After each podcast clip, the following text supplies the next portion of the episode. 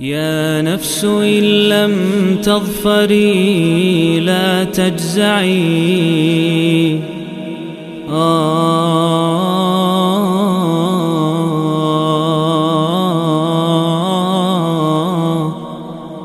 Bismillah, Alhamdulillah, wassalatu wassalamu ala rasulillahi amma ba'd Di pertemuan kali ini masih dalam serial 114 hari menyambut bulan Ramadan dengan mentadaburi surat demi surat dari Al-Quran Kita kali ini sudah di hari ke-56 membahas surat Al-Waqi'ah Surat Al-Waqi'ah merupakan surat Makkiyah yang turun setelah surat Toha sebelum surat Ash-Shu'ara Surat Al-Waqi'ah terdiri dari 96 ayat dan disebut dengan nama Demikian, kita semua tahu alasannya karena diawali dengan idza waqa'atil waqi'ah. Jadi dari ayat pertama diambil kata al-waqi'ah.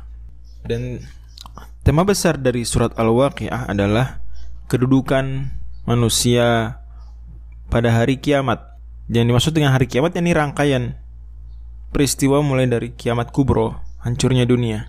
Terus itu semua bisa disebut juga hari kiamat bahkan sampai ketika masuk surga dan neraka masih dalam rangkaian hari kiamat dengan pemaknaan yang umum walaupun kalau dengan pemaknaan yang khusus maka kiamat hanya proses terjadi uh, hancurnya dunia saja. Setelah itu maka kita tidak sebut yaumul kiamah lagi kita sebut yaumul hisab atau yaumul al mizan dan sejenisnya atau yaumul mahsyar. Dan surat al waqiah cocok sekali. Tema besarnya dengan nama suratnya. Setidaknya dari dua aspek. Aspek pertama dari kata kedudukan manusia. Kedudukan manusia, kedudukan bahasa Arabnya mauqi', jamaknya mawaqi'. Berarti satu akar kata dengan nama surat Al-Waqi'ah, waw, qaf, ain. Kita bisa lihat di surat ini Allah paparkan perbedaan kedudukan-kedudukan manusia di akhirat. Ada yang sabiqun, ada yang ashabul yamin, ada yang ashabul shimal. Mirip ya seperti surat Ar-Rahman. Dari sisi ini mirip. Dan ini sisi munasabahnya, hubungan antara dua surat ini. Ya, kalau Ar-Rahman menyebutkan orang-orang yang bagaimana sikap mereka terhadap rahmannya Allah di dunia, yang lalai dari rahmannya Allah di dunia sama sekali tidak dapat rahimnya Allah di akhirat. Ada yang maksimal memaksimalkan rahman Allah di dunia mendapatkan kemaksimalan kemaksimalan juga rahimnya Allah di akhirat. Ada yang tidak semaksimal itu dapat surga, dapat rahimnya Allah di akhirat tapi tidak sebanyak yang pertama Al-Waqiah juga bicara itu. Ini kan kedudukan mauqiah.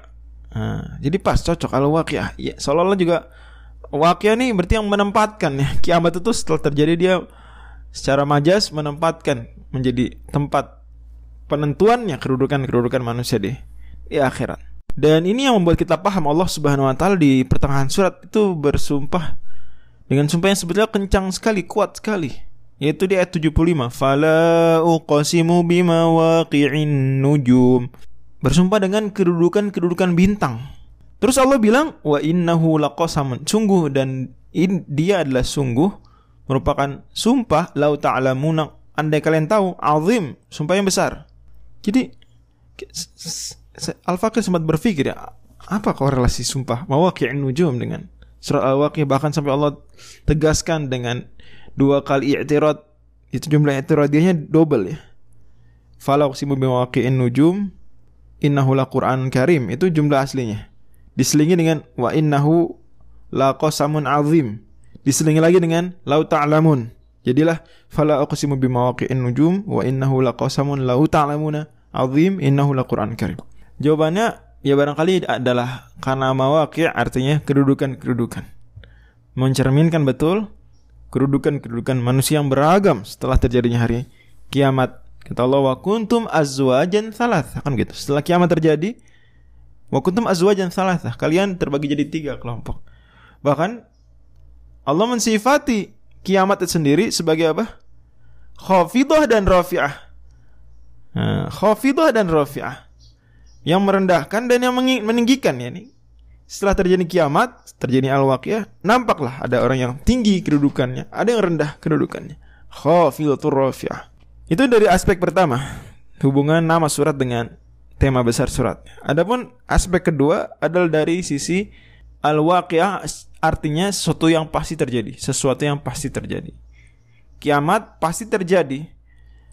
Ya, dan beragam peristiwa setelah hari kiamat pasti terjadi semuanya. Maka Itulah hubungannya kedudukan-kedudukan manusia di hari kiamat dengan nama surat Al-Waqiah. Wallahu a'lam. Di surat Al-Waqiah ini Allah Subhanahu wa taala menyebutkan lebih dulu kengerian hari kiamat. Setelah itu Allah menyebutkan kenikmatan yang akan diperoleh oleh as-sabiqun, penduduk surga level tinggi. Setelah Allah Subhanahu wa taala menyebutkan tentang ashabul yamin, penduduk surga yang levelnya tidak setinggi tadi, dan kemudian baru ashabus shimal, orang-orang golongan kanan tadi dan ini golongan kiri. Adapun as-sabiqun artinya orang-orang yang mendahului. Setelah itu Allah Subhanahu wa taala mengajak berpikir manusia, mengapa ingkar? Mengapa tidak mempercayai hari kiamat? Mem tidak mempercayai hari kiamat secara umum ya? Beserta rangkaian kebangkitan, penghitungan amal, surga neraka. Maka Allah mengajak kita melihat sekeliling kita yang terdekat. Kita diajak melihat asal penciptaan kita, afara'aitum ma tumnun. Kita diajak melihat tanam-tanaman yang kita tanam, afara'aitum ma tahruthun. Kita diajak melihat air, afara'aitumul ma alladhi tashrabun. Kita diajak melihat api, afara'aitumun nara allati turun.